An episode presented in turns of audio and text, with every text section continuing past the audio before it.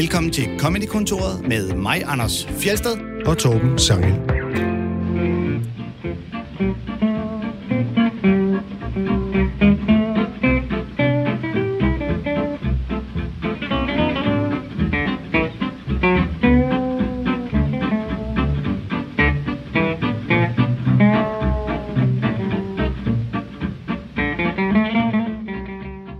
Noget af den mest basale form for humor handler om sprog, leg med ord, ordspil. Det er noget, som børn benytter sig af, og det er noget, som onkler benytter sig rigtig, rigtig meget af. Og øh, det bliver derfor ikke betragtet som den fineste disciplin inden for komik. Men øh, det skal ikke afholde os fra at lege med sproget her i Comedykontoret, for der findes selvfølgelig også mere avancerede former for ordleg. Vores gæst i dag er en af mestrene ud i den disciplin og ud i mange andre discipliner. Han hedder Thomas Hartmann. Velkommen til dig. Tusind tak, Torben. Men det er jo også noget mærkeligt snopperi. Ja, det, det kan man sige. Det er for noget ordspil, skulle Det er, men faktisk- det er, jo, det er jo det der med, at det er jo sådan noget, som børn forstår, og så synes man ikke, at det er sådan øh, er lige så avanceret, og der er sådan ligesom... Øh, jeg kan jo også godt nogle gange mærke, at, at sådan en, en, en onkel ordspilsjoke, jeg griner ikke lige så meget af den, som jeg gør af en, en mere avanceret joke, vil jeg sige. Men det kan godt være en avanceret ordspilsjoke. Men der er jo ikke den samme spænding og udløsning af spænding, som der er i andre joke-typer, og derfor bliver det aldrig til de der helt store grin. Men jeg kan godt sidde og lade mig imponere, hvis nogen laver et virkelig godt ordspil eller en god betragtning på noget. Men det er egentlig lidt skægt, at det hedder onkel-jokes herhjemme, men dad-jokes i USA. Ja, altså min datter kalder det også far-jokes, øh, og hun kigger meget på mig, når, øh, og hun siger det også tit til mig i øvrigt, men øh, ja, det er så, Men hvad det din, er. din brors barn kalder det onkel-jokes. Præcis. Godt. Thomas Hartmann, du har været øh, komiker siden midten af 90'erne. Du har udgivet omkring, tror jeg kun jeg tør sige, omkring 15 stand-up shows. Øh, det skal nok tror, passe. tror, du har Danmarks rekord i øh, øh, udgivelser. Du har, øh, som alle gæster i Comedykontoret, så har du taget nogle øh, klip med, øh, som øh, du præsenterer dig med. Og øh, den sjoveste nogensinde, den spiller faktisk lidt ind i ugens tema, fordi det er jo en bid om sprog, nærmere bestemt Ja. om forkortelser. Det er en komiker, der hedder Gary Goldman, som jeg ikke selv har dyrket. Kan du fortælle lidt om ham? Jamen, i virkeligheden så stiftede jeg bekendtskab med ham live. Jeg så ham nede på Comedy Cellar i New York på en ferie, og hvor jeg bare syntes, at han havde et eller andet, og man kunne godt fornemme, at han stod der med materiale, der var relativt nyt. Og jeg kunne egentlig sådan, øh, ikke ud fra materialet, men et eller andet i hans udstråling fortalte mig, at han stak lidt dybere. Så jeg begyndte sådan at, at smågoogle lidt for at finde ud af, hvad han havde lavet af bidder. Og så er det som om, han det sidste stykke tid lige pludselig har fået sådan en eller anden second wind, hvor han virkelig har fundet formen. Han har så i øvrigt også lige lavet en special til HBO, der hedder The Great Depression okay. som er sådan uh, delvis dokumentar og delvis stand-up show, hvor han snakker om, at han har haft en rigtig alvorlig depression, og så indimellem så er der sådan krydsklippet med, at han sidder hjemme hos sin mor og sidder sammen med sin kæreste. Og han virker som en pragtfuld menneske. Man kan, siger, godt se, man jeg- kan godt se på, at man er lidt sådan en følsom fyr, Ja. synes jeg. Virkelig. Jamen, mm. Og det giver han også selv udtryk for på et tidspunkt. Mm. Og den bit, jeg har taget med, det er, det er nok ikke den, jeg har grinet voldsomst og kraftigst af, men måske nok en af dem, jeg har grinet af flest gange, og en, jeg virkelig ynder at vise til folk, fordi det er... Jeg synes, det er decideret smukt, hvordan han tager et lille bitte emne, en lille bitte præmis, og så bare folder det ud over så lang tid, og tager så mange sidespor, hvor der også er sådan meta-jokes, jokes på joke-former mm. og talemåder. Vi, øh, alle vores gæster, der kommer herind, når vi netop beder dem om, at nu skal vi spille det, der er det sjoveste nogensinde, som vi kalder det. De øh, starter lige med at sige, ja, det, kan man, det, det, det er umuligt at vælge. Og der kommer Det er også umuligt. ja, det gør Jeg tror, det jeg nogensinde har grinet voldsomst af, altså det album, jeg har grinet mest af, var med Chetberg, Mitch mm. All Together, men den ene linje, jeg har grinet mest af, det er et ældre Patton Oswalt show, hvor han snakker om et ældre ægtepar, der skændes, og hvor manden råber til konen, Your twat smells like a baby's coffin. og jeg, jeg døde bare af grin der. Jeg var ved at køre galt, kan jeg huske. Uh, men øh, men øh, Gary Goldman, jødisk komiker øh, fra, ja, fra USA. Dem er der ellers ikke nogen af. Nej, det er en hård, øh, hård konkurrence på den scene. Han er vist ud af, af, af Boston-scenen, øh, startede med at lave comedy omkring årtusindskiftet. Og, øh, og den bid, vi skal høre nu, det, det er en lang bid, som han lavede i flere øh, talkshows. Ja. Derovre er det jo meget normalt, at man kommer ind i øh, Letterman, eller øh, Jimmy Kimmel, eller lignende, og på Conan, og får lov at lave noget stand-up. Og øh, der har man de der 6-7 minutter, og øh, så laver man altså, hvis man har en rigtig god bid, så skal den bare rundt på alle kanalerne derover, fordi der er du ikke nødvendigvis øh, solgt dit materiale, bare fordi det er blevet set af de øh, 20 millioner, der ser den her kanal. Mm. Og derfor så kommer vi også ind øh, sådan et stykke ind i biden, så jeg er nødt til lige at sætte scenen, inden øh, vi sætter den i gang. Fordi der sidder altså en komité, der skal give de amerikanske stater, give dem deres forkortelser, som skal bruges af postsystemet osv., og det skulle man jo kunne tro, det skulle man jo tro kunne gøres på, på 6 minutter, men øh, nej, nej, de står hele tiden ind i problemer og overspringshandlinger, og vi kommer ind, da det første problem er ved at opstå. Jeg skal også lige forklare, at ordet minutes, øh, det kan betyde mødereferat, det gør det her, og contract betyder at trække sammen, så en contractor er det her en, der laver sammentrækninger. Og han øh, præsenterer hele biden ved at fortælle om, at det er en dokumentarfilm, han har set om de mænd og den kvinde, hvis job det var at finde forkortelser. Og det er helt sikkert løgn. Til, ja. Øh, ja, ja, det er mega løgn. Men her, hvor vi kommer ind, der har de lavet øh, en forkortelse, nemlig Alabama AL, og nu synes de så, at det rigtig kører for dem. And then the boss said, um, guys, I hate to be a nudge, but could we get back to abbreviating the states? We still have 49 left. And apologies were made and understanding was reached, and they got back to abbreviating. They said, what's next? They said, Alaska. Everybody cool with AL? but somebody caught it. One man sheepishly raised his hand and said, Sir, I, I think we might have used that one before. Are you sure? I'm pretty sure. Well, let's check the minutes.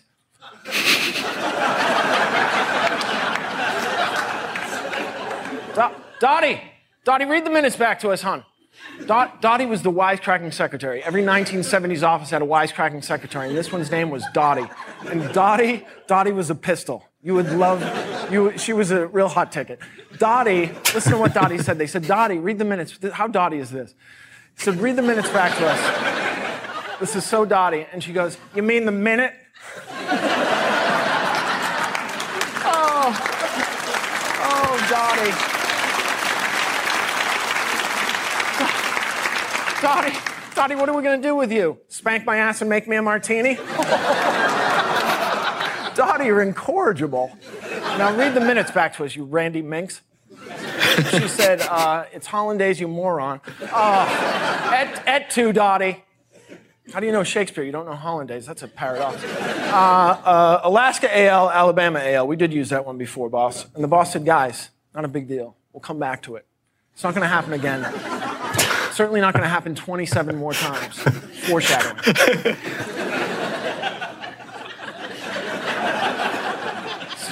So, what's next? Arizona, AI. There we go. We're back on track. Next, Arkansas. Shit.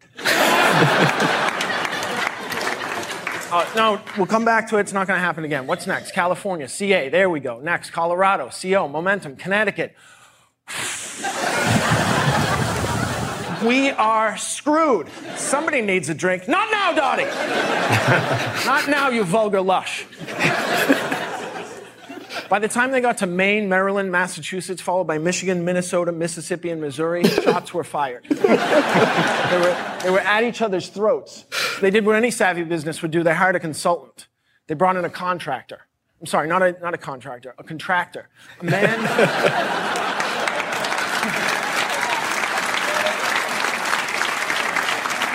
a man who made words smaller by combining them or apostrophizing them. And this guy was, this guy was the best. He was a legend within that world. Like, you wouldn't know his name, but you know his work. Like, he wrote such timeless classics as O'Clock. Many years ago, people would say it's nine of the clock, it's ten of the clock. This visionary said we don't need the. I can do that with a sky comma.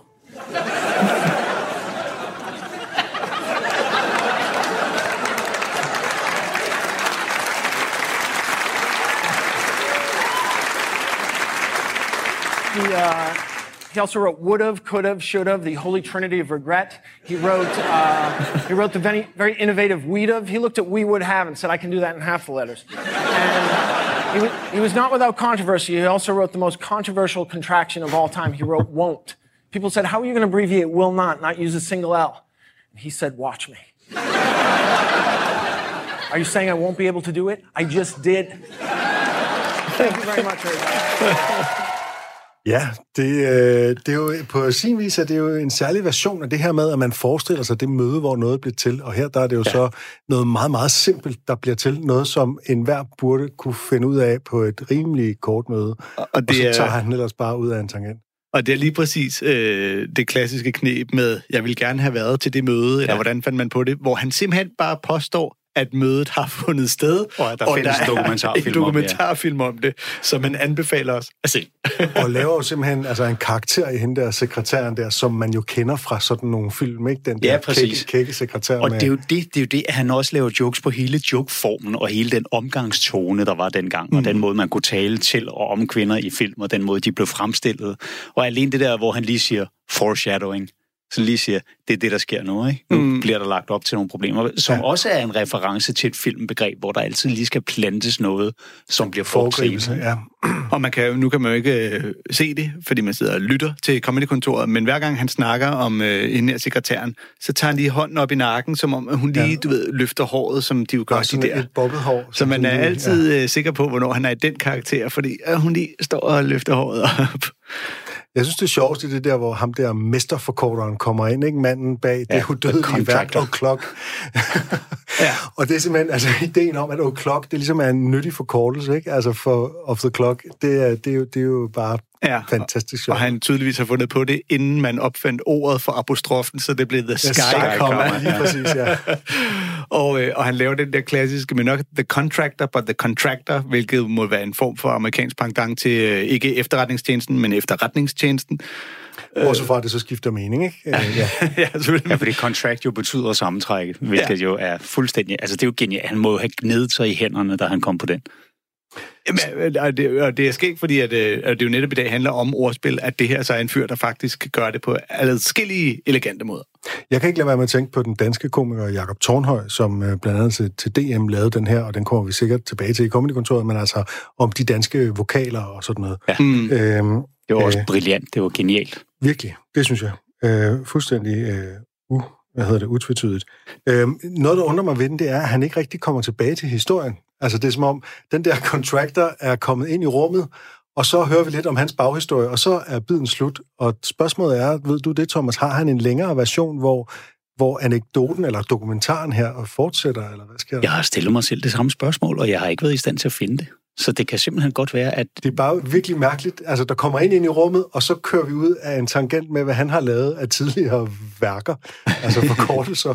og så tak for i aften. Ja, jeg er ja. ude.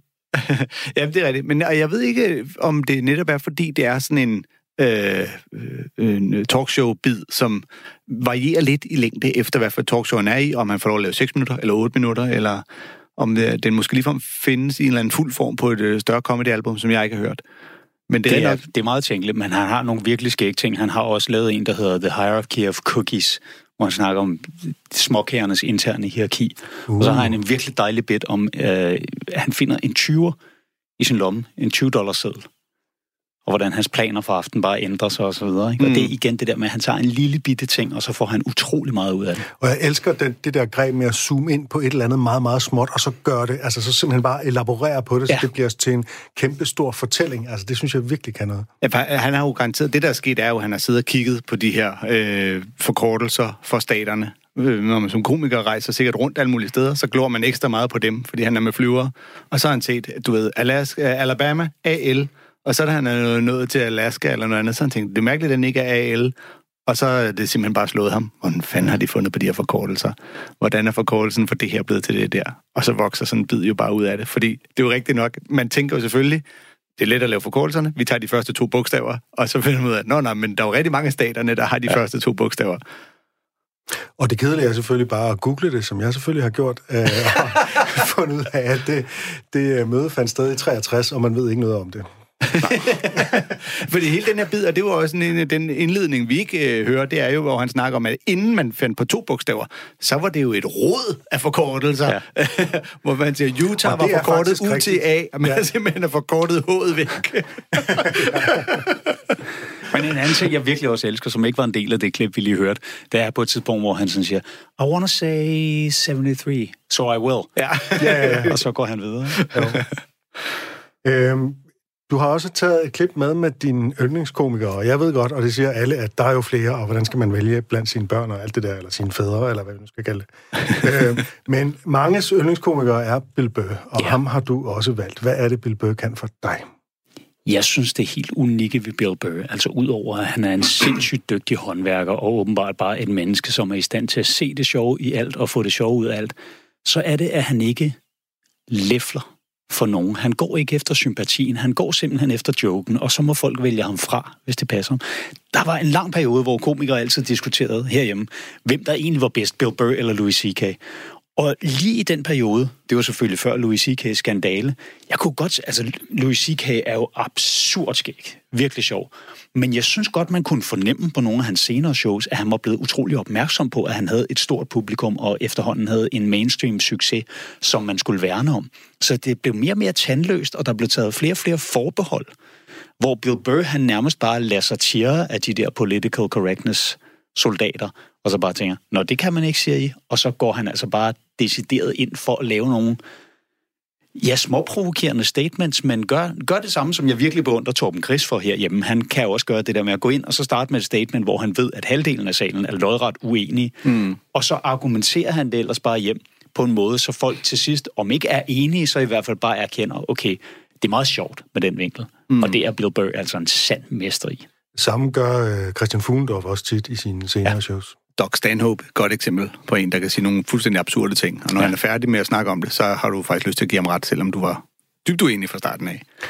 Og vi skal høre en bid, der... Øh, nu har vi haft noget om præsidenter her for nylig, og nu skal vi have en, der så handler om præsidentfruer. Det er deres koner, der går ud over, især Michelle Obama. Det er et klip fra 2016. I'm, uh, I'm sick of Obama's wife. Yeah, Running a, this isn't some Democrat Republican shit. This is just in general. Just running her yap. It's just like, shut up. You know? You weren't elected. You know, your husband isn't running a lemonade stand, he's running the country. No, generally speaking, first ladies, they've been out of line for a good 25, 30 years. They think for some reason that their husband has the job that now they should be chiming in like they know some shit. You know? Dude, if you had a leak at your house and you called the plumber and the plumber comes in and he starts fixing it, what would you do if five seconds later his wife, who isn't a plumber, comes walking in? Well, I think we should run it over here. It's like, shut up. Just because you're fucking the plumber doesn't mean you understand plumbing. Okay? Now, this is all like my fears because they're trying to tell us down uh, south there that like they're, they're starting to like gear up for Hillary Clinton to be running for president, saying like, I think that would be a good thing. Yeah, people clapping. What, what is that based on? Based on what? I don't get how she became a senator. That's shocking to you? She went from never holding political office to immediately being a senator. Why? Because she was fucking the president? Should Tom Brady's wife be the next quarterback of the Rams? Does he have some sort of magical powers? Like you suck at sports? I couldn't throw it all. And then he fucked me and I just picked up this ball and I was just I was just lacing it in there. It was incredible. Dude, it all started. It all started with Nancy Reagan. That's where it first went off the rails. You know, she came out with her little bird body, you know, just her big head. Just came walking out, say no to drugs and people off your heroin, say no to that. Mm, she just walked back. Hillary had her stupid health care plan. Obama's wife's running a yap on 60 Minutes, you know? I got to give it up to the Bushes. They had their women in line. they did. Barbara never said shit. She smiled every once in a while. She threw something in there. George W.'s wife, I don't even know her name. Stu was in office for eight years. I don't even know her fucking name. What's it like, Beth or Paige or something like that? He had her on lockdown. going out there tonight. I'm giving a speech. And when I say something and they laugh, you're going to nod. You're going to smile and you're, you're going to nod that head. Ja, så meget for præsidentfruer. Ja. Det der er, er så mere, mere på biden, hvor han på et tidspunkt faktisk vender den om, fordi der er, er begyndt at brede sig den der stemning over. Det er måske lidt sexistisk, ikke? Og hvor han så netop siger, øh, lad, lad mig lige høre, er det, betragter I det her som sexistisk? Okay, så rækker jeg lige en olivengren her og siger, på et eller andet tidspunkt, så får vi den første kvindelige præsident, og så jubler hele salen. Og så siger han, og så får vi den første mandlige first wife, og så vil jeg gerne have, at han holder sin kæft. Mm. Fordi det er jo i virkeligheden et princip, og det er jo ikke noget med, at han går efter kvinderne, men han, han beder jo folk til det. Han ved jo godt, det er det, de kommer til at sidde og føle, ikke? og det er derfor, mm. han går ud og tiger det med vilje. Og nogle af de ting, han siger, er jo decideret noget vrøvl, fordi selvfølgelig har Hillary lært noget. Det skulle jeg lige til at sige, fordi ja. indvendingen er jo, at lige præcis hun har jo fuldtes med Bill Clinton hele vejen, ikke? Og, og har virkelig ja, ja. en faglig... Jeg har engang mm. lavet et radioprogram om Hillary Clinton. Mm. Man kan mene alt muligt om hende politisk, og, og måden hun, hun, hendes kampagne er kørt på og sådan noget, men hun har sin faglighed fuldstændig i orden. Hun er ikke bare en eller andens wife. Øh, øh. Nej, nej. Så derfor altså, er det sådan... og, og hele sammenligningen med Tom, Tom uh, Brady er jo idiotisk, fordi du kan jo sagtens sidde og observere et politisk spil, og så lære noget af det. Du kan jo ikke bare blive de god til fodbold af at se på det. Nej, men det, det er, er selvfølgelig et klassisk, klassisk greb, det der med at lave en overførsel på noget andet. Hvad nu, hvis det var en VVS-mand eller en quarterback, ja, og så det. konen kom og sagde, ja, jeg synes, at det der rør skal derhen, ikke? Det, det, jeg godt kan lide ved Bill Burr, det er, at han, han bare der er sådan en underforstået kontrakt om, vi ved godt, at det her det er lidt noget vrøvl, men nu, nu leger vi med det her. Ja, ja, det er jo comedy. Det er meningen, vi skal ja. grine af det, ikke? Og, og vi ved godt, du har øh, langt hen ad vejen ret, men vi skal jo også grine af jokesene. Og det er også derfor, når man tager det knep, der hedder, men så laver vi lige det ser du jo ikke andre steder.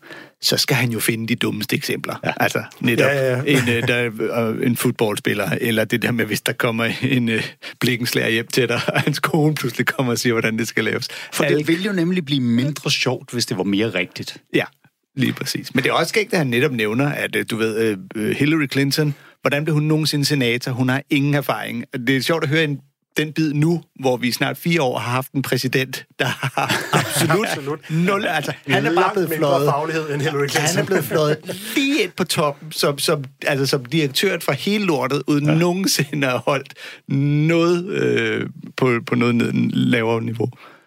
Der er jo, det er jo også en særlig amerikansk ting, det der med first ladies. Altså, hvis vi tænker på i Danmark, der har, der har sådan statsministerforen, de har jo ikke sådan, altså jo, Anna-Grethe Rasmussen stillede op i, øh, i Vild med Dans, og så blev hun lidt kendt, men ellers altså Solrund og Steven, og nu Mettes mand Erik, hvor mange kender Erik, altså øh, de har en lidt, de har ikke rigtig nogen særlig rolle i, i Danmark. Der er det som om, at statsministerens ægtefælle fortsætter egentlig bare med det job, de nu engang har. Er det ikke rigtigt? Men det giver jo også mere mening, fordi netop som han siger, og det er jo rigtigt, hvad Bud Burr siger, det er, det er jo ikke dem, man har stemt på. Ellers så skal man jo pludselig til at tage stilling til en familie. Men handler det ikke om, at USA ikke har en kongefamilie, og derfor så bliver præsidentfamilien som samlet begreb, ligesom til sådan nogle, nogle særlige royale kendtiser? Det tror jeg, du har ret i, Tom Sangel. Det er faktisk der en er virkelig skarp betragtning. Der er et eller andet med, med den måde, de skal fungere som en form for forbillede oven i os. Det tror jeg helt sikkert, fordi du, vi får ikke øh, valgt en præsident, der er en single dude, der render rundt og boller til højre og venstre i alle weekenderne. Han vil aldrig blive stemt vi får, øh, vi får valgt en præsident, som er gift og render og boller til højre og venstre.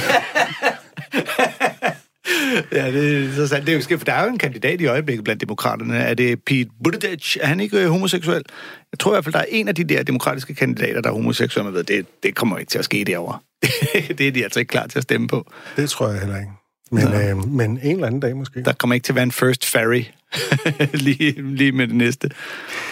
Du lytter til Comedykontoret, og dagens gæst er Thomas Hartmann. Vi har jo allerede været inde på sprog lidt i form af forkortelser, og nu skal vi høre en bid med dig, Thomas, hvor øh, i hvert fald halvdelen af dine jokes er sproglige, og den anden halvdel er måske snarere logiske end sproglige. Det er en af de her natte tankestrømme, som jo altså sådan efterhånden er blevet trademark i dine shows. Øhm, det lyder sådan en Hartmann Classic. Hvordan opstod den her ting? Den opstod sådan set sjovt nok ved, at jeg lavede en karakter. Altså faktisk så er det nu sagde du i starten af udsendelsen, at det er sådan noget, børn forstår, men det var sådan noget, jeg allerede lavede, da jeg var barn og sad i skolen og godt kunne lide at sidde og lege med sproget. Så nogle af dem, som min karakter, jeg lavede til mit andet one-man-show, Hartmann X, der havde jeg sådan en karakter, der hed John Bull og Christiansen. Og han kom ind, og han lavede dem, og det var basalt set fuldstændig samme struktur som dem, jeg sidenhen har lavet, hvor jeg snakker om, at jeg ligger søvnløs klokken 4 om natten og begynder at tænke underlige ting. Han snakkede bare om, hvad der skete, når han røg økodope og så begyndte han at få de her tanker. Ikke? Så i virkeligheden så startede jeg med at lave dem som en karakter.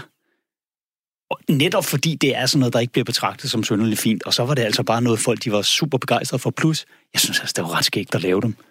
Og man fornemmer jo i dine shows, at når du når til det sted, folk sidder og venter på det, dine fans venter på, at nu kommer det her segment, hvor du gør det. Ja. De, øh, og de er jo også, det, er jo, det gode, ved, som, hvis man er publikum, er jo, at de er utrolig citerbare. Altså, du kan gå hjem og fortælle den der vits, man lige har hørt dig lave. Men det er jo så også et problem, fordi det øjeblik, folk de så bare skriver dem på internettet uden kildeangivelse, eller så, det lige pludselig, eller- ja. så tilhører det internettet.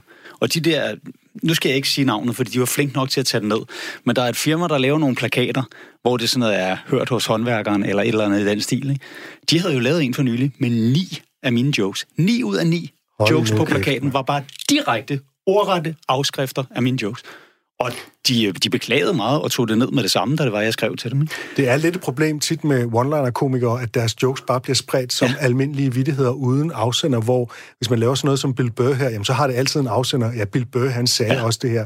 Men øh, sådan Du kan jo ikke kode det ned til eller- to linjer og skrive det på jodel. Det kan man med de her jokes. Ja. Og det, det gør altså, lige pludselig så bliver det til allemands eje. Og jeg brugte jo for et halvt års tid siden en, en eftermiddag på at diskutere med folk inde på min egen fanside, fordi nogen havde planket en af mine jokes. Og hvor jeg skulle forsvare mig over for argumenter som, alle jokes er jo fundet på af nogen. Nå, nå, okay, så du ved det godt, så du er godt klar over, at der er ophavsmænd eller kvinder på mange af de ting, som du bare... Men det øjeblik, det ligger der, så synes de bare, at det tilhører internettet. Og hele problemet er nu, hvis folk har set den plakat, og selvom de tog den ud af handel, så er der rigtig mange, der havde nået at tagge den og sende det rundt til hinanden osv. Ikke? Selv hvis de ser mine gamle shows, så vil nogle af dem jo sidde og sige, det er jo bare den der fra internettet. Det er jo lidt øh, interessant, hvis nu der sidder en, som har fundet på de gamle Aarhus-historier med at tage en bil der ud i ørkenen og sådan noget, sidder ja. Ja. og er enormt bitter over. Det var mig, der fandt ja. Ja. på den. Alle går og siger den, alle børn går ja. i skolen og siger, hvorfor tager Oceanen en bil, der er med i ørkenen? Nogen har jo gjort det. Ja. En mand var jo den første til at sige, det sagde hun også i går. Og prøv at tænke, tænk på, hvor sjovt det var, første gang det blev sagt. Ikke? Fordi indtil da, der havde man bare sagt, at den kunne misforstås. Ikke? I 1536 oppe på Christian 4. Hof. 10 hun i går. Og der skete det, er lad, os, øh, lad os høre nogle Ja, af Hartmanns nat-tankespænderier. og det er fra Comedy Aid 2018. Nå, men når man ligger klokken 4 om natten og ikke kan sove, så begynder ens hjerne at lave det der, hvor den virker, men bare ikke optimalt. Og der kan man begynde at stille sig selv spørgsmål, der kun giver mening klokken 4 om natten. Kun klokken 4 om natten kan man ligge og stige ud i luften og begynde at tænke, hvis Jesus var blevet smidt i fængsel, skulle han så have levet af vin og brød? Hvis en natsværmer parer sig med en bænkebider, bliver deres afkom som mølkugler? Det er samtidig en reference til en af mine andre på første sal. Visner den så? Hvis du bliver, hvad du spiser, og en veganer spiser en kødædende plante, bliver han så mindre irriterende?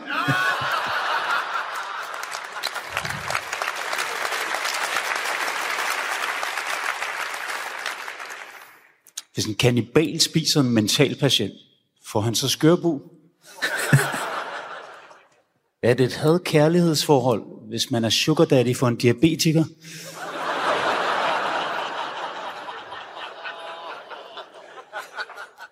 Hvis jeg dræber en due, og den så hjemsøger mig, er det så en spøgefugl?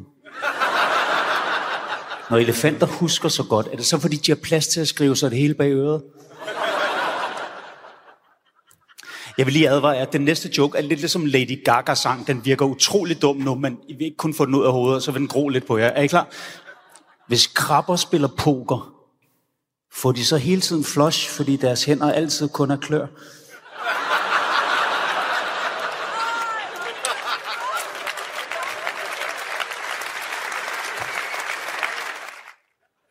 Hvis man bliver dømt for at røve en fertilitetsklinik, skal man så afzone sin straf i en sædcelle? Hvis James Bond havde været dværg, var han så blevet agent 003,5? Hvis forsangeren fra Sabia bliver hjemløs, Skal han så hedde Søren Hus forbi? Eller Søren Udhus, eller bare Søren? Og hvis han havde haft en chamesisk tvilling, skulle han så hedde Søren Rækkehus? Thomas Hartmann, hvordan er det at høre det her? Det er frygteligt. Men det hænger jo så også sammen med, at det var en skandaløs showoptagelse, det der, fordi publikum var så dårligt mic'et op, at det lyder som om, de nærmest ikke er der. Det der var altså Royal Arena, der var nærmest Bortset fra, fyldt. at man hører nogle enkelte publikummer, der virkelig ja. Ja. griner igennem, så det lyder som om, der er en, der ligesom har et, et latteranfald nede. Ja. Hvis man så hele det show på tv, og lyden den bare sådan var på normal, så kunne man stort set ikke høre publikum. Der var mange af komikerne, der sådan fik henvendelser og sagde, hvad, hvad, havde I bare virkelig dårlige shows alle sammen? Hvorfor holder de sådan nogle lange pauser? Fordi, jamen, folk var i gang med at grine, man kan bare ikke høre det på optagelsen. Hvad, øh, du, du sagde inden, at øh, du startede med at levere de her jokes som øh, din karakter, John Ja. Buller, der røg øh, økodope. Ja. øhm, og ha- havde det noget at gøre med, at du simpelthen, hvis de, den her slags jokes, bliver jeg simpelthen nødt til at gemme, dem, dem vil jeg ikke selv stå ved. Altså, du ved, jeg skammer mig lidt over dem her, men hvis jeg lader en uh, tosse levere dem, så er det lidt sjovt, fordi idioten fortæller idiot-jokes. Det må jeg blankt erkende. Det var en lille smule et forbehold. Det var en måde at lægge lidt afstand til det, fordi det jo netop er af en eller anden grund noget, man ikke sådan skal være super stolt af. Men samtidig så er der jo også... altså, Der er nogle, nogle regler, der skal overholdes. Mm. Eksempelvis siger jeg der, hvis, hvis, en, øh, hvis en kannibal spiser en mental patient, får han så skør bu, ikke? I Ja. stedet for at sige en, der er skør. Ja. Ja. Man må ikke bruge det samme ord to gange. Vel? Man Nej, skal bruge ikke. noget, der Det er den fejl, visse onkler nogle gange begår. Ja, Og præcis. det er også Det er samme derfor, ord to at gange. øh, en spøgefugl, der er det en due, du slår ihjel. Ja, det er ikke en præcis. fugl, du slår Nej. ihjel. Du skal, sige, du skal gemme det ord, der bliver øh, pointen. Har du selv nogle yndlinge blandt dem her? Der, du, jeg, jeg kan sige, at du fyrede 13 jokes af på to og et halvt minut minut. I 2008, der var det 21, så du har sat tempoet ned. Ja, men det var jo netop, fordi det var en ret stor sal, og folk de skulle have tid til øh, at... Man, man sætter jo tempoet anderledes, når det er en, en stor sal. Jeg vil sige, min favorit af mine egne søvnløse jokes ligger ikke i den her blok, fordi i virkeligheden så var jeg jo blevet så inderligt træt af dem, at jeg aflivede dem i det show, jeg lavede, der hed X2, hvor jeg slutter, lige inden jeg går til pause, så slutter jeg på en lille blok af dem, og hvor den sidste af dem så bliver, hvis en komiker virkelig ikke kan finde på flere søvnløse jokes, og så stopper jeg, så kommer der ikke nogen punchline, så går jeg til pause. Og siden da lavede jeg dem ikke, men eftersom det så var et 25-års jubilæumsshow, så tænkte jeg, det er sådan lidt et tilbageblik på min karriere og hele branchen og Comedy Age historie og så videre. ikke? Jeg synes, at den med veganeren øh, og den kødædende plante, du bliver ved du spiser, den synes jeg var rigtig sjov. Ja, det var jeg også selv glad for. Og man kan også mærke, at den giver en, øh, som man kan høre det her på optagelsen i hvert fald, en større Ja, ja, respons, klap, ja. hvilket jeg tror skyldes, at det er, at, at men der går man fra at høre ordspillene til, ah, nu er der også noget med de der fucking veganere, vi alle altså, synes er nogle idioter. Den, den har faktisk et indhold, den er ikke bare absurd. Der er sådan Nej. et eller andet. Selvfølgelig er det absurd, at man skulle kunne blive kødet at spise en kødende plante, men er den en går holdning. både på, at der ja. er det der, du bliver, hvad du spiser, åndssvage udsagn ude, og på, at veganere er irriterende. Så der er lige pludselig nogle, nogle sådan virkelighedsting ja. i spil på en anden måde. Ikke? Og det, det er dem af dem, jeg bedst kan lide. Det er dem, hvor jeg sådan får flere elementer ind over. Ikke? Og en af dem, som jeg er blevet citeret oftest for, det er, hvis en vandmand parer sig med en brandmand, risikerer de så at få et dampbarn. Fordi det er to relativt beslægtede ting, der så bliver til noget andet, men som er kombinationen af de to. Ikke? Ja, netop. Øh, på et tidspunkt træder du ud og ligesom annoncerer den næste joke og siger, den vil blive hængende. Hvorfor gør du det? Altså, du træder ud af den der søvnløshedsmodus og siger, nu skal I lige, den næste, der kommer, den er virkelig... Det var faktisk bare for at gøre det en lille smule mere levende, også fordi den joke er virkelig dum, men jeg tænkte, at hvis jeg gjorde det på den måde, så ville jeg få dem til lige at spidse ører, og måske tænke lidt mere over den. Og fordi den kræver at lige, man tænker over deres hænder. Nå ja, det er det, man kalder det, de kort, man sidder med, når man spiller poker og klør. Det er jo ah, det ene og det andet. ikke? Der, er- der er jo brug for det, hvis man netop laver mange af dem her streg. At man nogle gange lige øh, bryder ud, træder ja. ud af det, får folk med igen. Og det kan jo enten være, som du gør her, ved at gå lidt meta og kommentere på den næste joke, eller som da du ligesom laver en joke, der faktisk ikke er, har noget med ordspillet at gøre, men ligesom med vegetarjoken med, bliver de så mindre irriterende. Ja. Øh, hvilket øh, er et statement, ikke? Og det er jo sådan lidt en ekstra joke på det, der allerede er. Fordi Lige det, jeg præcis. egentlig godt kan lide ved den med veganeren, det er, at, at folk de griner, uden at der er kommet en punchline. Mm. At der stiller jeg stort set kun spørgsmålet. Ja, men, og, og, men det er jo også bare sjovt, også, hvis du er veganer og spiser en kødædende plante. Alene der sidder man jo Man kan som selv lave, allerede man tænker, kan selv tænke videre, ikke? ja, er hvad det så? Også fordi vi jo alle sammen i forvejen, øh, når det handler om veganer og vegetarer, øh, går og bumler med, ja, hvad er egentlig reglerne, og hvornår, og hvordan, og hvorledes. Og jeg kan huske, at jeg snakkede en gang med en, der sagde, at vi skulle spise orme, de her små insekter og lignende, hvor jeg sagde, hvad så med, med veganer og vegetarer? Hvordan har de det med? Og så sagde han, inden for de kredse, der er der stor diskussion, fordi nogen synes jo, ja, æd de her små orme i stedet for at slå en gris ihjel, og andre siger, nej, nej, der er jo tusind døde dyr der. Det er meget værre end at dræbe én ja. gris. så de kan ikke engang selv finde ud af det. Nej, nej, men der var også mange vegetarer i, i, igennem tiderne, som, jamen, jeg spiser fisk. Mm. Men tænkte, det er jo også nogle dyr. Det er jo bare nogle dyr, der bor i et andet element. Andet element. Så er du lige pludselig sådan en eller anden form for madracist over for dyrene. Ikke? og så har man så opfundet begrebet peskitar. Lytter til Comedy-kontoret med Torben Sangel Og Anders Fjelsted. Vi skal videre. Vi skal høre et øh, meget kort klip med en desværre afdød, meget skattet komiker, som du allerede har nævnt, øh, som er Mitch Hedberg. Han øh, laver også tit sådan nogle logiske onliner, hvor han undrer sig over de mærkeligste ting. I got, I got a do not disturb sign on my hotel door. It says do not disturb. It's time to go with don't disturb. It's been do not for too long. We need to embrace the contraction.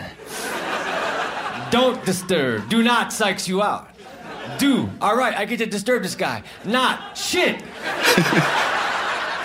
I need to read faster.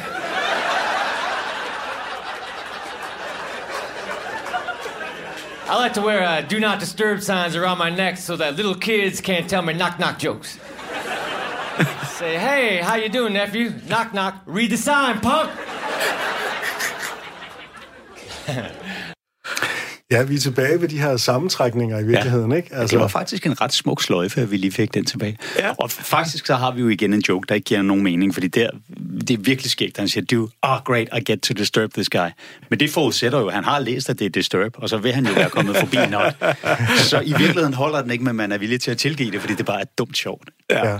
Og fordi han også selv kommenterer, så siger det der bagefter, jeg skal læse hurtigere. Ja. Og vi tænker, okay, altså, hvor langsomt læser du, hvis du når at have den tankeproces, inden du ser det næste ord? Og hvor meget glæder du dig generelt til at forstyrre folk? Og egentlig tager han udgangspunkt i den samme observation som med o'clock. Hvorfor findes den forkortelse? Hvor meget sparer man ved den? Altså don't, i stedet for do not. Altså, det er jo, det er jo, det er jo Ja. fuldstændig ligegyldig forkortelse. Men er det ikke en, øh, fordi det er en skriftlig forkortelse af, at, man, at sproget har ændret sig? Det er selvfølgelig svaret. Ja. Øh, så, så, Jeg så det det. bygger på den. Nej, det har jeg ikke. det bygger selvfølgelig på den, øh, den præmis, at det skulle være sådan en skriftsproglig ting, at man har tænkt, åh, oh, så har vi et tegn mindre, eller sådan noget, ikke? Ja. Ja, eller når man siger det, at øh, i stedet for at gå og sige do not, så man bare begyndt at sige don't. Og så skriver man det også sådan. Men nogle gange så gør folk jo også det, at de bruger sms-sprog i tale. Mm. Og hvor jeg har jo hørt nogen sige BT, Lol. BTW, hvor man tænker, der, nu er der flere stavelser end i by the way. Du har forlænget det ved at forkorte det. Det er simpelthen blevet forkortet ud på den anden side af virkeligheden, og er blevet længere. Også det der med at sige lol, når man faktisk ikke griner, ikke? Altså, Ja. Ja, det, det burde være noget unødvendigt nogensinde at sige det. præcis. Eller hvis, man, øh, eller hvis man griner rigtig meget, så er der nogen, der skriver lol med mange ord, som om, at du griner mere ved at skrive... Out, out, out, out, out, out, out, out. det, er ikke, det er jo ikke sådan, forkortelsen fungerer. Jeg kan godt lide, at Mitch Hedberg kan også altså, vælger at tage Do Not Disturb-skiltet med. Øh, en ting er, at man tænker, ja, det kunne være smart at have, så man ikke bliver generet. Men han tager den lige til knock-knock-jokes. Ja, så der går fordi en meta, ja. skiltet helt specifikt er for at forhindre folk i at banke på din dør. Ja, det er en virkelig, altså det er de der banke-banke på jokes, som vi Read kalder the dem på dansk, punk. ikke? Men Ja, han har så mange ting, hvor jeg synes, han er absolut genial. Og nogle gange så er det noget så simpelt som en udladelse. Han har på et tidspunkt en bit om det her med, at der ikke er nogen 13. etage på mange hoteller. Ja. Af overtroiske årsager, hvor han siger, For people on the 14th floor, you know what floor you're really on. Jump out the window, you will die earlier. Og han siger ikke earlier than et eller andet. Han siger ikke før du regner med eller noget. Og det bliver bare utrolig meget skækkere, at han bare siger det på den måde. Og det er svært at forklare, hvorfor. Og det er nogle af de ting, jeg synes er virkelig fascinerende ved det håndværk, vi har. Det er det der med, at der er så mange ting, man ikke 100% kan gennemskue, som man på en eller anden måde instinktivt skal finde ud af, hvorfor er det her skækkere end noget andet. Og nogle gange så kommer det bag på en selv. Ja, og man kan godt stå med en joke, man synes er rigtig god, og så har man lavet den, og så fungerer den skide godt, og dagen efter fungerer den ikke nær så godt. Og man kan ikke engang næsten ikke finde ud af, hvad er forskellen. Altså, det kan være en lille bitte, bitte, bitte, bitte ting, du har sagt anderledes, der pludselig giver hele forskellen på, hvor meget folk griner af den. Jeg havde en joke i mit tredje one-man-show, der gik... En af mine venner har brugt øh, et halvt år på at forsøge at overtale sin kæreste til at få opereret brysterne større. Men det ville hun ikke, så nu har han i stedet brugt pengene på at få sin egen hen opereret mindre. Og den, jeg var glad, da jeg fandt på den, og tænkte, det bliver skægt, det her. Det virker også på Og så- dealeren. Så lavede jeg den et par gange, og den fungerede ikke rigtigt. Og så lige pludselig så fandt jeg på, at jeg lavede sådan en lille gestik med hænderne, hvor det så, var som om, jeg klemte på et par bryster lige i det samme, jeg siger, fået sin øh, egen hen opereret mindre. Og pludselig virkede den. Fordi det måske går hurtigere ind. Altså, man skal ikke nå at tænke så meget, Nej, præcis. Du, man Ja. får den visuelle input. øh, Det er noget med tit den, så, ikke? så betyder hurtighed meget, ikke? Altså, hvis du kan formulere det sådan så kort, og så, så det bliver som et lynnedslag, den der erkendelse af, hvad det er, der bliver sagt, ja. frem for at du lige skal igennem og tænke... Øh, Men så er der så igen, det er så igen en undtagelse, eller en regel med undtagelser, fordi nogle gange at det, bliver tingene jo også sjovere af, at man tager en omvej. Af at man netop lader folk finde derhen selv. Jeg havde den her snak med en af vores det, kolleger gjorde, det er jo det, du gør med den kødende plante, kan man sige. Ja. Og jeg havde, jeg havde også en joke engang, hvor jeg snakker om en pige, som tydeligvis er indavlet, og hvor jeg siger, hvis forældre havde samme efternavn allerede før de blev gift. Hvilket jo er en måde at sige, de har sandsynligvis været i familie med Mm. en anden, muligvis end deres søskende. Men det er bare utrolig meget mere effektivt, end at sige, hvis forældre var søskende, eller et eller andet i den stil. Og det er jo præcis det samme, man siger. Men der er det netop omvejen, der gør, at det er en joke, og ikke bare en dum udtalelse. Mm. Vi skal øh, høre Dimitri Martin, øh, som også taler om sprog. Han taler om et enkelt, øh, meget udbredt øh, ord i det engelske sprog, og sådan set også i det danske, nemlig ordet okay. What's the long form of okay? I wonder what okay is short for. Maybe it's okie dokie. We've just been abbreviating okie dokie. That would be interesting. Just all these situations that would sound different. Are you okie dokie? yeah, I'm okie dokie. Thank you. The surgeon comes out. She's gonna be okie dokie.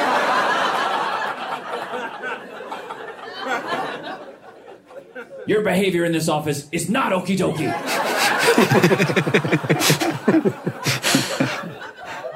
you want to fight somebody? Okie dokie, let's do this.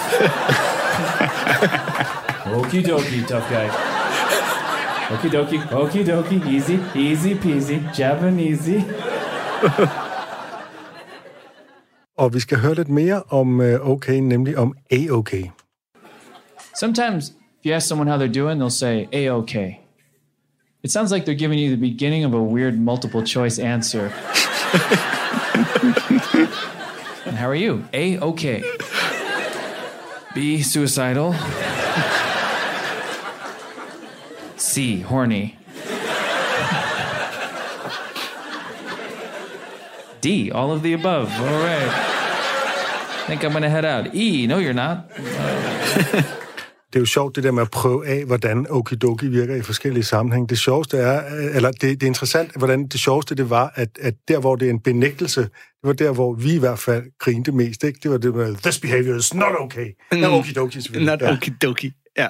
Jamen, det er rigtigt. Og det, og, men, og det sker ikke, hvordan mange af de her ord, øh, jokes, vi sidder og hører, og, og vi har hørt Hartmans, er jo øh, egentlig one-liners øh, langt hen ad vejen. Og øh, Mitch Hedberg og Dimitri Martin har vi begge to, øh, har vi begge to spillet, da vi lavede programmet om one-liners. Øh, men, men det bliver faktisk også observationskomik øh, hen ad vejen, hvor at, øh, man, det kræver, at der er en fælles referenceforståelse. Ikke? Altså især Dimitri Martins her, vi sidder jo alle sammen og tænker, han har jo tænkt over, okay, hvad fanden betyder det ord egentlig? Ja. Så Men nogle gange ser man det jo også skrevet, hvor det er OKAY. Ja, Ja, ja, jamen, ja. det er rigtigt. Og, øh, og, og, og, og netop det der med, at vi alle sammen er enige om, at okay og okidoki har helt forskellige øh, betydninger, selvom det betyder det samme. Hans, den der okidoki tough guy, hvor han, hvor han vil slås, den fik mig til at tænke på Mattesens bit med, med gadedrengeløb. Han snakker om, at han har vokset op i Albertslund. Han har, han har mødt en del gadedrenge, ikke? Mm. og hvor han så også laver sådan en lille act-out, hvor han kommer hoppende hen på den måde, og det er hysterisk morsomt. Er det ikke helt sådan, uh, gadedrenge, de løber i virkeligheden? Det skal ikke ved det her Dimitri Martin-klip er at nu var det jo faktisk to klip, og det er for to forskellige shows, der har mange år imellem sig. Så altså, der er gået lang tid fra, at han tænkte, at okidoki lyder dumt i andre sammenhæng, til, han, at, til der, at han har fundet ud af, at der er også noget sjovt i A-okay. altså, det er bare vendt tilbage til ham. Det, jeg, jeg, jeg, synes, øh, jeg synes også, det er virkelig sjovt, at, fordi at A-okay, det er også et udtryk, jeg har hørt. Ja. Men det giver jo slet Jeg ingen mening. gættede, jeg gættede de all of the above. Mm. I, no you're not. Øh, Vi har snakket lidt om det her med, at, at uh, ordspilsjoke, de godt kan være lidt barnlige, og nu går vi all in på noget rigtig, rigtig barnligt, som simpelthen egentlig bare er sådan noget med, med at, at lege med ting, der ligner hinanden, og med bevidstheden om, hvor barnligt og fjollet det er, og det er Pete Holmes. I always like doing something silly up top. uh, to kind of look at it like comedy stretching. Remind me to not take any of this too seriously. It's just a silly job. So I'd like to do Pierce up top. If any of you are familiar with. what a weird world. You guys know Pierce? Yes, we do. We're going to do Pierce. For those of you who don't know Pierce, I feel like expectations are getting up high. Go ahead and lower them. Nothing is about to happen. So this is it. This is my impression of a guy asking his friend Pierce to get beers for a party. Okay? Starts with a door opening for no reason.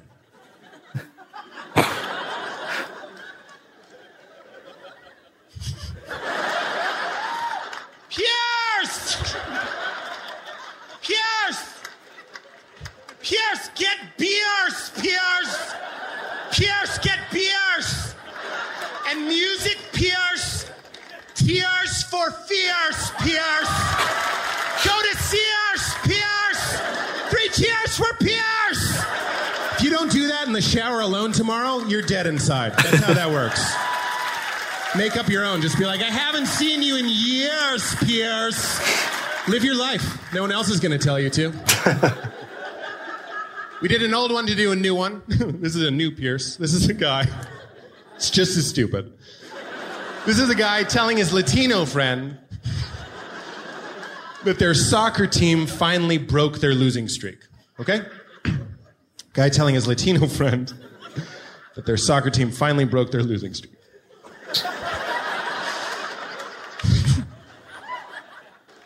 One!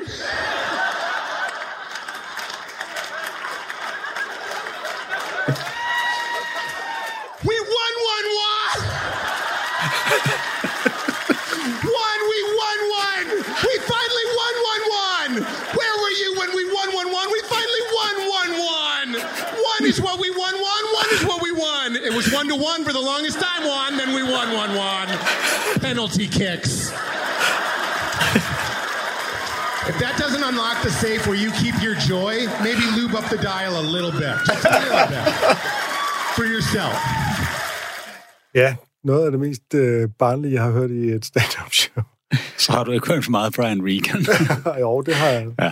Men øh, nej, men det er jo, altså, det er jo sjovt. Han, kan, han, kan, han, han er flere gange nødt til, og det er så i det hele taget typisk Pete Holmes, altså han lige skal grine af selv, før han kan nå til den, fordi at, og så selvfølgelig i bevidstheden om, hvor utrolig fjollet det er. Og øh, lige varme publikummet op, altså hvor han sådan ligesom gør opmærksom på, det her er dumt, men hvis du ikke synes, det er sjovt, så er det fordi, du er en sørgelig, øh, øh, kedelig stakkel, ikke? Altså han ligesom Jo. siger, I er nødt til at lege med her, fordi ellers så, øh, så er det åndssvagt, så... Hvis man har et hjerte, så synes man, det her er lidt sjovt. Ja, lige præcis. Ikke? If this doesn't open your the box of joy.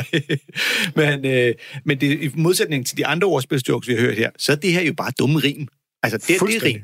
Og han, han, jeg tror ikke, han har besluttet sig for at lave en joke, og, det, og, og der tror jeg, at, øh, at Pete Holmes han, øh, skriver sine jokes meget øh, instinktivt på, det her, på den her måde, men han har jo haft en ven, der hed Piers, som de har bedt om at hente øl.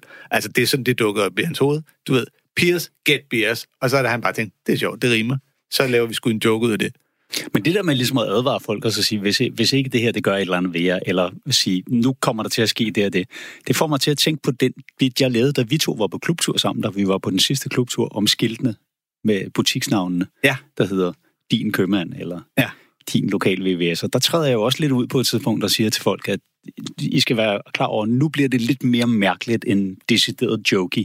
Men jeg garanterer jer for, at det her, det vil forfølge jer, og det vil dukke op i hovedet på jer. ikke? Jo, jo, jo. Forbered dem lidt, ligesom du gør med Lady Gaga-joken, eller hvor du siger med. Det, Det, her, det gør jo ligesom, også det der med Lady Gaga i det, det klip, vi hørte her Ja. med, med dig. Ja. Øh, Men, og, det, og det, der er ekstra sjovt ved den her Piers-bid, er, at den er, øh, øh, det er en fortsættelse fra et øh, hans øh, tidligere show, hvor han også laver øh, Piers Get Og Beers. det kan man jo høre, da han annoncerer det, ikke? Der ja. Er nogen i publikum, der genkender, så Ja. nu kommer Lige Piers. præcis. Og, Og så, så siger han jo bagefter, at øh, nu har vi lavet en gammel for at lave en ny. Ja, lige præcis. Men alene det er ligesom, at han løfter den op på et stadie, der ligesom er, at det her er så godt. Og nu er vi alle sammen med på det. Det er ligesom en måde at ligesom tvinge folk til at sige, du skal ikke sidde nu og være sur og synes, det her ikke er sjovt, fordi at nu skal du være med i klubben og, øh, og grine med her. Øhm, og den første, hvor han laver den, der råber han jo også bare, get Piers, Piers. Og så laver han også en, øh, øh, hvor han siger, øh, en, der spørger ham, der skrev Purple Rain, om han ikke vil give ham en mundpastil. Og så begynder folk at grine, fordi lidt ligesom med øh, Juan, we won, Juan, så f- folk regner den ud jo. Men det er jo sjovt, fordi så tænker folk, gud, jeg har regnet den her ud. Og det er næsten lige så godt, som at blive overrasket. Og så kommer han den i møde ved simpelthen at sige til en på forreste række, vil du have lov? Og så giver han mikrofonen til den, der så råber, øh, Prince, get me some mints, Prince! Og, og, og så det er pu- det er for publikum, der gjort, det gør, at salen eksploderer. Hele den her bid, bid den minder mig jo sådan lidt om en, øh, en øh, dansk øh, bid, som er Kirsten Birgits yndlingskomik nogensinde, nemlig linje 3's bid om, øh, om øh, Johnny Depp, der skal have dip. Øh, det, er, det er virkelig ikke øh, særlig sjovt, jeg skal ikke gengive det her, men, øh, men Kirsten Birgit har argumenteret for, at det er det sjoveste, der er lavet på dansk. Mm. Øh, nu er Kirsten Birgit så også en fiktiv person, øh, og øh, jeg tror, pointen er, at det egentlig ikke er så sjovt. Men, men, men når man hører den, så publikum griner også bare af de der øh, sådan ord, ordrim. Øh, øh, Jeg, må da også, indrømme, jeg grinede da også dengang i Ibi Støving, hun var sammen med René Diff ved tanken om, hvis de blev gift, og så kom hun til at hedde Ibi Diff. Mm-hmm. Fordi det bare lyder skægt. ja, det er jo nok simpelthen bare det, det, det lyder sjovt. Ibidif. Der er jo også... Øh, Øh, Pete, Pete Holmes her, der kan man sige, han, han bruger jo også det, som du selv sagde, Hartmann, før, at man må ikke gentage det samme ord flere gange. Øh, når han skal lave øh, rimet, der hedder Prince, get me some mints, så kan han jo ikke referere til, hvis at øh, der er en, der spørger, om Prince vil give ham mundpastiller. Nej, han er jo nødt til at sige ham, der skrev Purple ja. Rain, i stedet. Ja. for at sige Prince. Et af mine favoriteksempler på nogen, der virkelig overholder reglerne, det er den danske komiker Sten Nalle Nielsen, som jeg holder utrolig meget af. Ja. Som laver en, hvor han siger, jeg blev fuldt til rockkoncert af en fugl uden øjne. Blind høne kan også finde korn. Fordi der er tre led i den. Og der siger han nemlig, at han siger fugl mm. i stedet for høne. Han siger uden øjne i stedet for blind, og han siger rockkoncert i stedet for korn. Og laver så samtidig en kommentar på hele den gamle talemåde med blind høne kan også finde korn. Ja, og det er et godt eksempel på en, der overholder reglerne. Ja. Fordi hvis han havde sagt, er en blind fugl eller en høne, der ikke kunne se eller noget, så ville han allerede have ødelagt det lidt der. Mm. Øh, vi skal lige nå et sidste klip, som er med Milton Jones, som er en af sådan Englands førende one-liner-komikere ved siden af Jimmy Carr. Øh, og det er også sådan blandet halvt ordspil, halvt sådan bait and switch jokes, vi skal høre her. Og igen er jeg lige nødt til at forklare nogle øh, engelske ord. En bouncer kan betyde en udsmider, en spacehopper kan være sådan en hoppebold, sådan en stor gummi-hoppebold, og balaclava, det er en elefant. I've had a lot of jobs in my life. Uh, I was a bouncer for a while. Space Hopper Showroom. then I was a weatherman. In fact, does anyone want to buy a broken barometer? no pressure.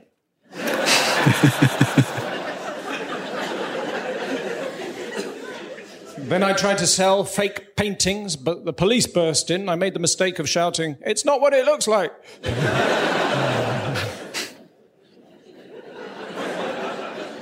Apparently, my great great grandfather he tried to make money out of knitting, Uh, but of course, no one believed it was real money.